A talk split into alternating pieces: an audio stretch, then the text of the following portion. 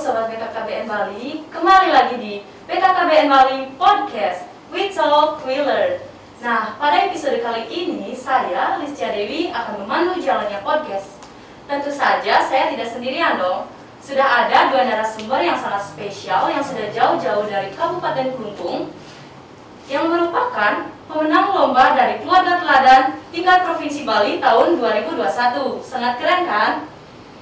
Nah, atas nama Bapak IGD Suryawan yang merupakan Ketua UPPK Yande Batok Desa Banjarangkan dan juga merupakan Wakil Ketua 2 BPC Aku Kabupaten Kelungkung beserta dengan istrinya atas nama Ibu Nilo Gede Juliati yang merupakan seorang wira swasta ya Bu. Nah, jadi halo Ibu dan Bapak. Halo. Om Swastiastu Pak.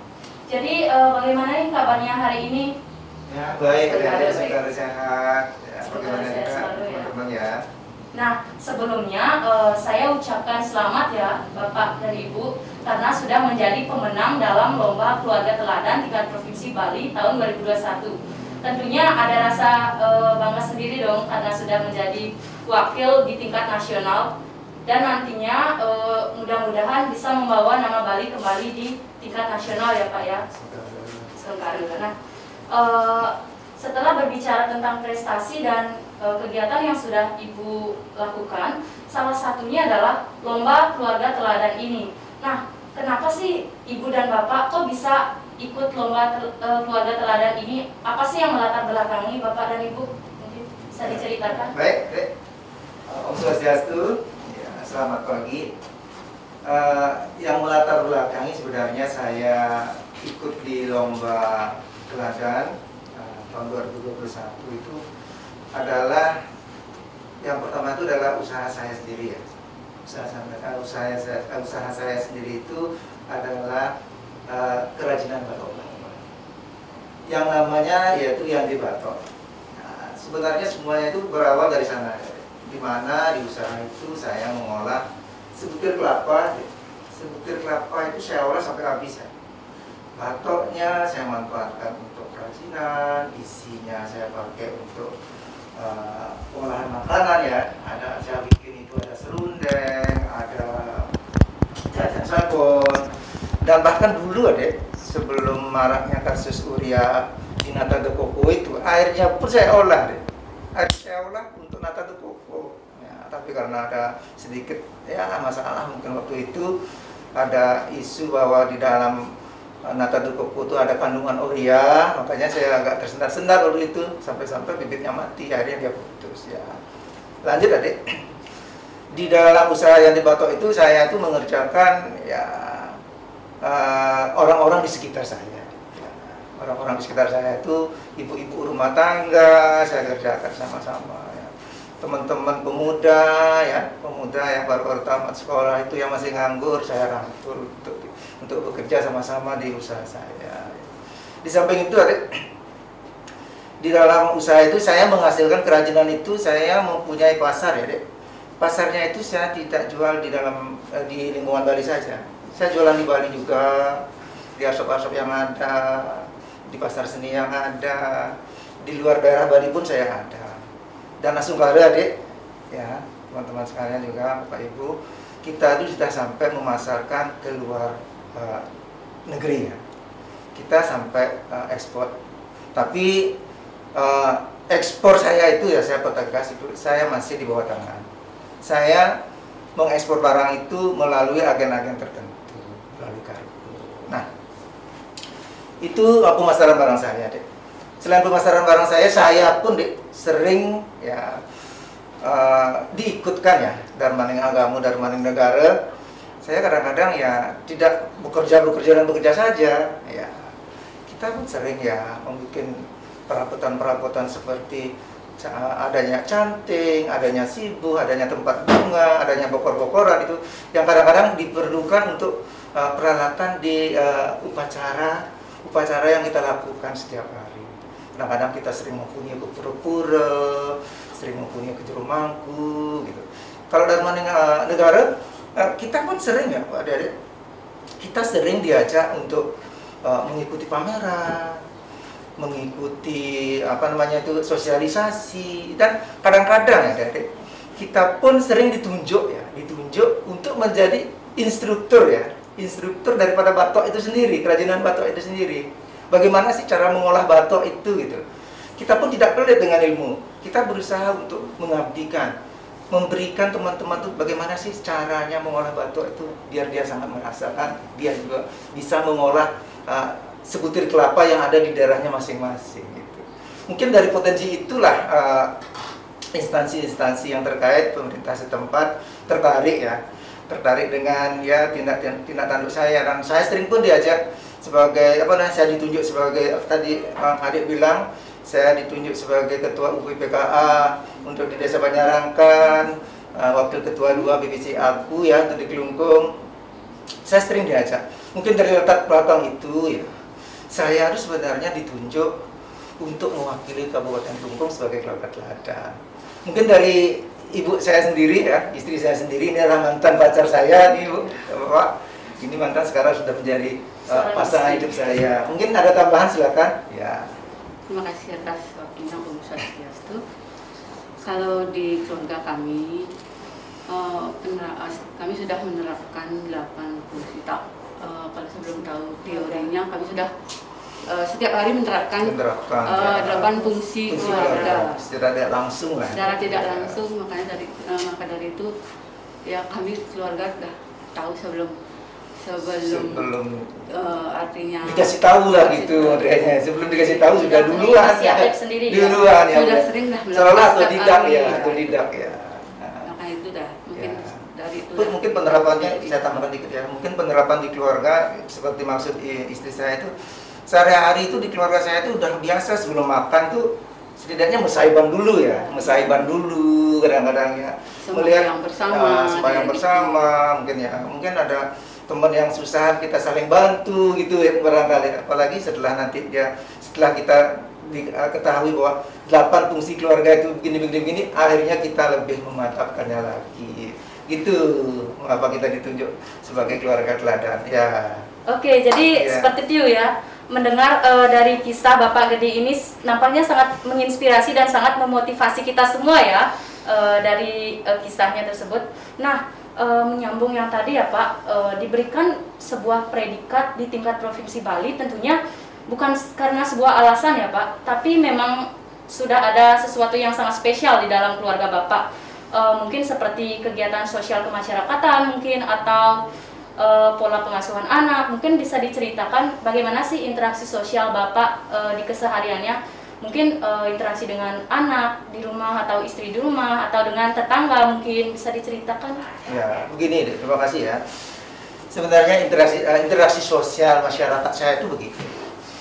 Saya itu kan sama sebenarnya seperti keluarga-keluarga uh, di rumah. Saya itu adalah uh, uh, kalau bangun pagi biasa ya bangun pagi jam 5 udah bangun ya kalau ibu sudah mulai ke dapur gitu kan? Udah mulai ke dapur.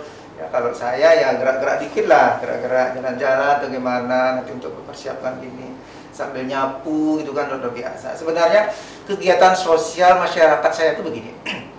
Saya itu selalu ingin hidup berdampingan dengan masyarakat masyarakat sekitar. Apalagi usaha saya itu tidak bisa tumbuh dengan besar. Seperti mohon maaf bukan tidak terlalu terlalu apa namanya itu promosi dikit.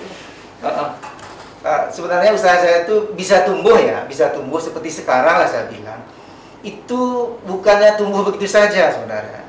Tumbuhnya usaha saya itu sebenarnya dari faktor masyarakat sekitar sebenarnya saya ber, bermasyarakat dengan uh, dengan tetangga sekitar itu sangat harmonis sekali pak uh, ada adik bapak ibu juga saya itu kadang-kadang kalau punya apa namanya itu kebanyakan order ya di usaha saya itu uh, berbagi-bagilah sama ibu-ibu yang ada di rumah. Saya bagi-bagikan saya kasih dia pekerjaan biar uh, adalah uh, kegiatan sampingan daripada ibu-ibu itu.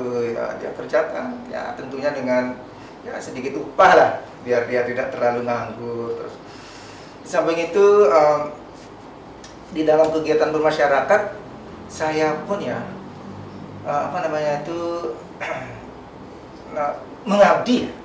Saya mengabdi sebenarnya kepada masyarakat. Saya berusaha untuk membagi waktu. Bagaimana sih saya biar tidak memperkaya diri saja sebenarnya. Keinginan saya biar saya tidak saya, dalam hati saya saya tidak bisa memperkaya diri saya diri saya saja. Saya harus mengabdi kepada masyarakat. Apa sih yang saya bisa sumbangkan kepada masyarakat? Dan sementara saya ditunjuk ya, ditunjuk sebagai klien ya, sebagai klien, terus sebagai ketua PHDI, terus uh, sebagai yang tadi uh, ketua UPPKA, sebagai uh, wakil ketua BPC aku dan masih banyak ya, masih banyak kadang-kadang kegiatan-kegiatan yang dipercayai kepada saya untuk mengorganisirnya. Mungkin kegiatan ibu juga begitu. Ibu juga sering mungkin ibu bisa cerita dikit ya.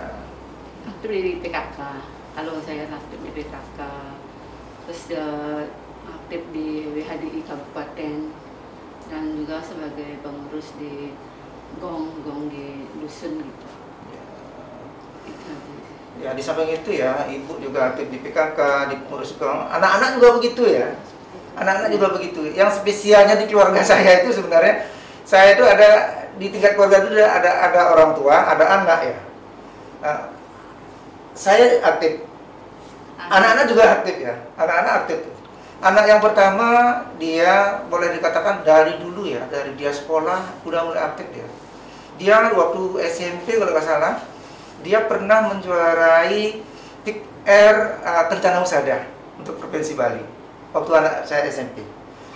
Terus sampai sekarang pun uh, anak saya yang pertama ya, yang pertama itu dia sekarang uh, aktif bermasyarakatnya mungkin dia karena jurusannya di kesehatan ya. Dia sekarang sudah membuka praktek sendiri, dia punya ruang praktek sendiri. Kegiatan sosialnya kadang-kadang ya kalau ada tetangga yang gini yang memerlukan dia ya, seberapa sibuknya dia pun dia sempatkan kadang-kadang dan anak saya yang kedua ya anak saya yang kedua itu masih kuliah ya masih kuliah. Tapi kegiatan sosialnya itu tidak tanggung tanggung juga ya tidak tanggung tanggung juga deh ya bapak ibu. Anak saya yang kedua itu kuliahnya diisi dia mengambil jurusan kerawitan. Dia tuh senangnya paling senang menggambar.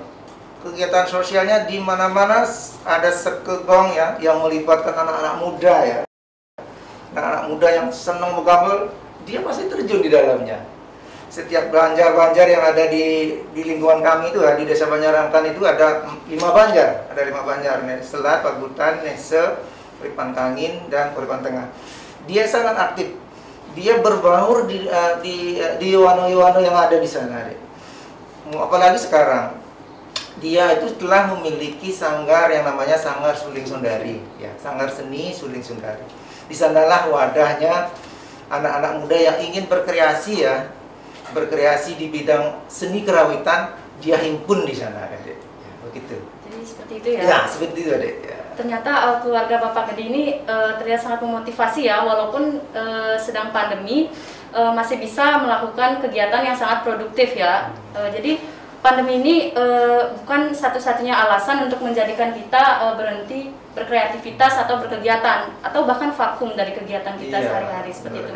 Nah, jika pola asuh bapak dan ibu terhadap anak itu seperti apa?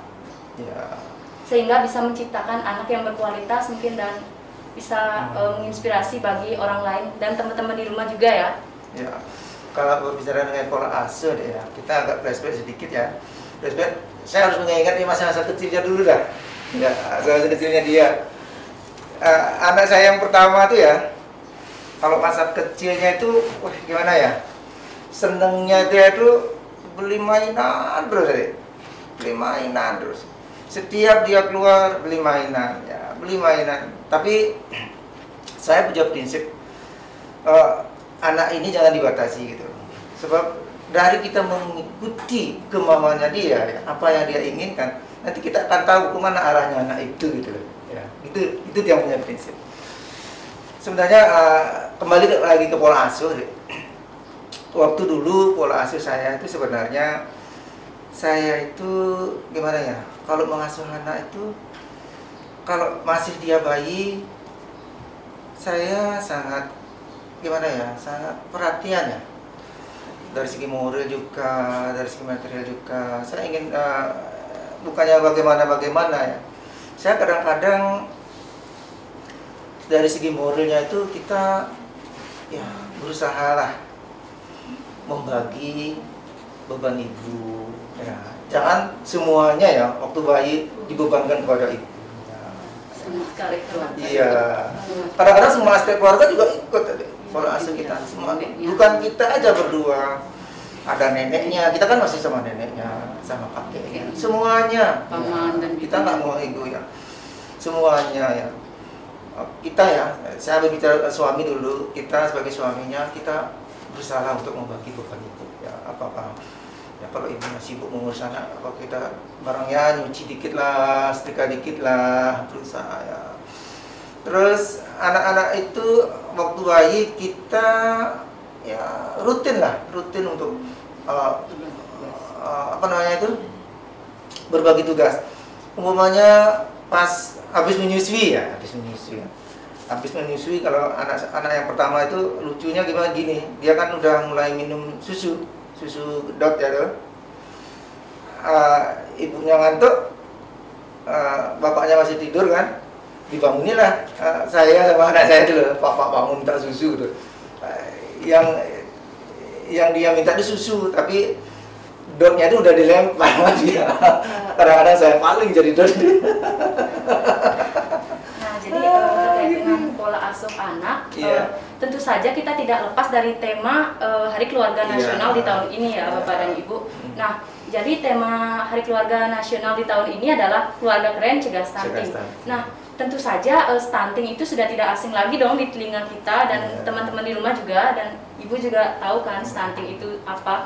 Jadi stunting itu merupakan peristiwa gagal tumbuh pada seorang anak, entah itu eh, keterlambatan berpikir atau eh, memiliki postur tubuh yang sangat pendek seperti itu. Itu mungkin dikarenakan karena eh, kurangnya asupan makanan yang tidak mencukupi kebutuhan gizi hariannya seperti itu ya Bapak dan Ibu.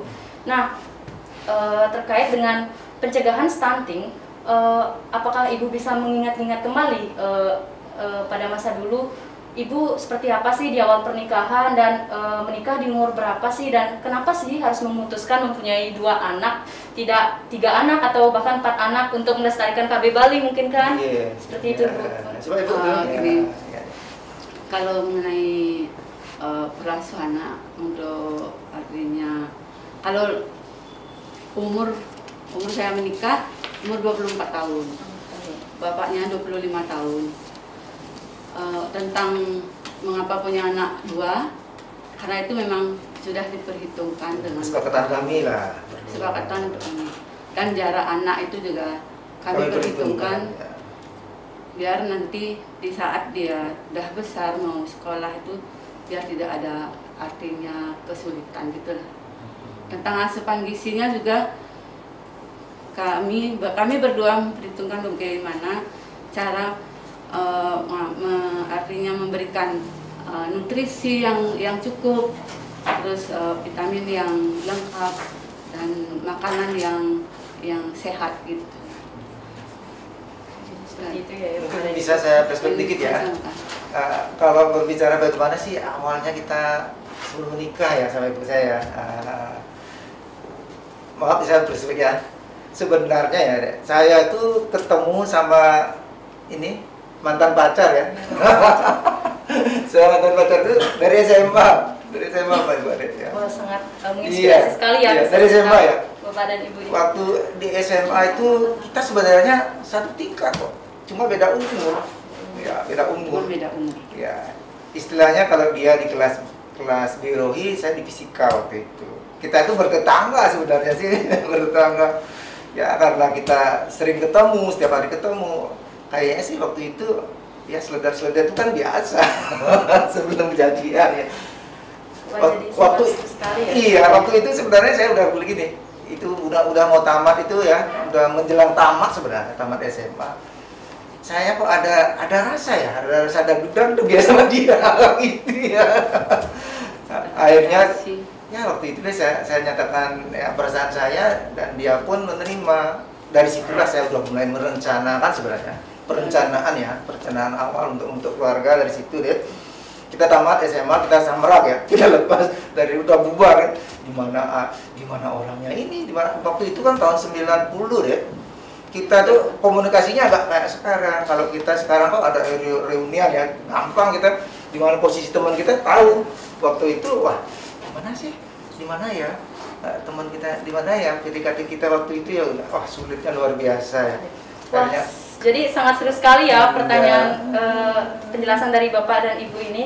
Eh, mungkin jadi Bapak dan Ibu sudah menikah di usia yang sangat ideal ya, Iya. di mana usianya 24 tahun dan 25 tahun. Jadi eh, mungkin persiapannya sudah sangat matang baik Iya. itu secara fisik, finansial atau psikologis mungkin. Nah, eh, saya ingin bertanya kepada Ibu nih, bagaimana sih dulu pola pemberian ASI terhadap ASI, ya. anaknya? Mungkin Pemberian ASI terhadap anak saya memang saya memberikan ASI kepada anak itu eh, sampai umur satu setengah tahun. satu setengah tahun ya. Di samping juga eh, nutrisi yang cukup dan vitamin yang ini juga nutrisi untuk saya juga harus seimbang Ya. dengan pengeluaran ASI itu. Ken- Saya eh, kenapa memilih pemberian ASI hingga satu setengah tahun tidak lebih atau Memang sampai satu setengah tahun saya eh, berikan ASI dan dibantu dengan eh, susu formula. gitu, formula. seperti itu? Nah, eh, kalau membicarakan tentang berumah tangga nih ya Bu dan teman-teman di rumah pastinya kita tidak terlepas dong eh, dari yang namanya problem rumah tangga atau dilema rumah Iya, tangga ya. iya, benar, benar. Eh, jadi bagaimana sih cara Bapak dan Ibu mengatasi jika terjadi eh, masalah dalam rumah tangga itu? Ya, ya, baik, baik.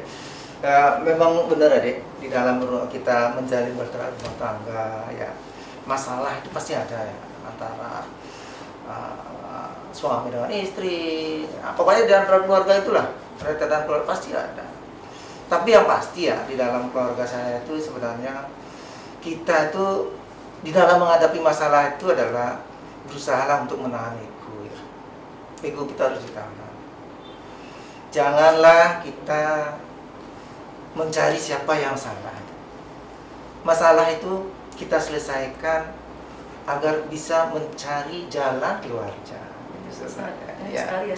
Janganlah sekali lagi ya, janganlah mencari permasalahan itu siapa yang salah itu aja poinnya.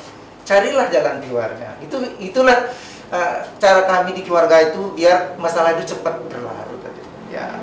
Kalau masalah dengan anak-anak biasanya memang anak-anak sekarang anak-anak saya kan udah mulai dewasa dia. Ya masalahnya paling-paling gimana ya? Kalau dia pulang malam ada apa ya?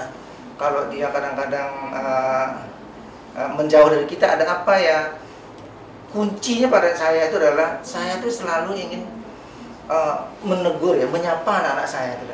Di keluarga saya itu meskipun anak-anak itu sudah sibuk dengan dirinya masing-masing adik kita tuh berusaha untuk membikinkan dia tuh ya seperti zaman sekarang tuh WA grup ya WA grup keluarga itu saya punya di mana posisi anak saya. Untuk meningkatkan iya komunikasi dengan iya komunikasi. Pokoknya saya harus sempat sempatnya ya.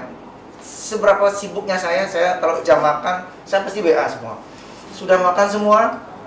Nanti dijawab kan. Teng teng teng. Sudah sudah sudah sudah gitu dia. Akhirnya untuk menjalin komunikasi itulah sebenarnya dari komunikasi itulah permasalahan-permasalahan itu bisa kita pecahkan Karena kan kalau membahas tentang zaman sekarang ya, Iya. eh, anak-anak remaja itu cenderung lebih sulit menceritakan masalahnya kepada orang tua dan Iya. lebih memilih menceritakannya terhadap teman sebayanya karena mungkin eh, rasa kenyamanan yang mereka dapat dari teman tersebut. Nah, itulah sebenarnya yang kita hindari adik. Ya, mungkin dari ibunya sedikit yang bisa menambahkan ya. Tapi gini ya, mengenai perkembangan anak-anak, kalau kedua anak saya sudah besar-besar itu, kita ajak dia bareng. Kadang-kadang itu dah kalau dia punya waktu, kita kumpul di eh, ruang tamu, di kamar, atau kita kapan-kapan ajak berekreasi untuk mengenal lingkungan yang lebih lebih eh, dekat, lebih artinya eh, dengan lingkungan sekitar, biar dia tahu bagaimana kita bermasyarakat. Ya, seperti itu. Ya mungkin dikit lagi Adik. Kalau di keluarga saya itu ya anak-anak itu sekarang udah dewasa itu kita anggap sebagai teman adik. Iya. Iya. Kita anggap sebagai teman. Kita sebagai orang tua juga harus Iya, bisa memposisikan diri sebagai ya, teman, sahabat teman, dan ya. orang-orang terdekatnya lah Iya. supaya Maka segala sesuatu yang dia alami pasti larinya ke ke teman. Ya, anggaplah kita teman ya sekarang dia, ya, tetap iya. kita. Entah pokoknya anak-anak saya itu dia gimana terbuka dia. masalah Pokoknya apa pun apa yang- pasti dia bercerita setidaknya pada ibunya entah masalah pasangannya entah masalah dia gak punya uang atau ya pasti Selalu dia gini. ya Selalu dia menceritakan apa masalahnya, selalu diceritakan. Nah, eh, terkait juga dengan pemberian edukasi tentang stunting ya teman-teman di rumah juga ya, tidak terlepas dari eh, pemberian edukasi tentang seksual Ya. terhadap anak-anak remaja ya. Dan juga eh, pastinya orang tua akan lebih canggung eh, memberikan edukasi tentang seksual terhadap anaknya karena mungkin hal itu dianggap tabu gitu. Mungkin malu mungkin menceritakan tentang hal-hal yang berbau seksual gitu ya, Pak. Bagaimana sih cara menyikapi hal tersebut? kalau saya di rumah itu begini Eh, saya mencer eh, kalau masalah itu ya masalah reproduksi lah Masalah yang sangat ya yang sensitif sangat sekali. sensitif itu sebenarnya kalau sekarang itu kan udah ada wadah-wadah tertentu ya kita itu tidak bisa memberikan ya anak itu begini begini begini. Tapi saya arahkan anak-anak itu ya saya arahkan anak-anak itu agar ya setidaknya ikutlah dalam organisasi-organisasi yang ada ya kan seperti ada Fik Air ya. Mungkin ada uh, wadah-wadah dari situlah sebenarnya anak-anak itu tahu ya bagaimana sih sebenarnya dia uh, tentang apa namanya uh, pergaulan-pergaulan yang, dia- yang dia lakukan tentang uh, reproduksi tentang apa-apa mengenai seksual itu dari situlah dia akan tahu. Tapi sebagai orang tua ya kita tetap kita tetap menjaga dan mengarahkan ada. Eh, jika ada ya jika ada perilaku perilaku yang, Yang menyimpang dari itu gitu ya. Tambahkan sedikit ya. ya silakan. Kalau masalah eh, pilihan anak kalau gitu, dia tetaplah eh, gini sama orang tua, care sama orang tua. Saya tidak pernah memberikan dia artinya tidak pernah mengekang mengekang keinginan Membebaskan. anak itu saya membebaskan keinginan anak apa pun yang penting itu bersifat positif Iya. artinya tidak pernah mengekang bagaimana ini itu ya terserah yang penting Yang penting baik eh, bagi dia ke hal yang positif Iya. ya, selama hal itu positif. Jadi kita juga punya hak untuk eh, memberikan mereka kebebasan ya, Iya. selama itu positif seperti itu. Nah, eh, terkait eh, pesan dan kesan bapak dan ibu yang ingin ibu sampaikan terhadap teman-teman eh, BKKBN di rumah, eh, bisa dipersilakan. ya dari ibu siapa? Pesan pesan singkatnya Eh, janganlah mencari harta terlalu banyak mencari harta sampai lupa dengan keluarga. Karena keluarga itu lebih berharga dari harta. Ya, mungkin maksudnya begini ya. Jangan kita sibuk mencari harta. kadang-kadang semua orang sibuk mencari harta.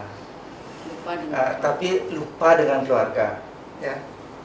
Tapi eh, lupa dengan keluarga padahal keluarga adalah harta yang tak ternilai harganya itu untuk eh, eh, para keluarga dan untuk teman remaja. S- eh, gimana ya? Untuk para remaja selalulah berinovasi ya beranilah mencoba selalu berinovasi, berani mencoba, dan jangan lupa deh, di mana di mana pun Anda berada, keluarga adalah tempatmu untuk kembali. Oke, jadi itulah podcast kita pada kesempatan kali ini yang sudah dihadiri oleh dua narasumber yang sangat spesial. Dan saya mohon maaf apabila ada kesalahan kata dan saya ucapkan Selamat Hari Keluarga Nasional kepada seluruh keluarga di Indonesia. Keluarga Keluarga keren keren cegah stunting, berencana itu itu keren.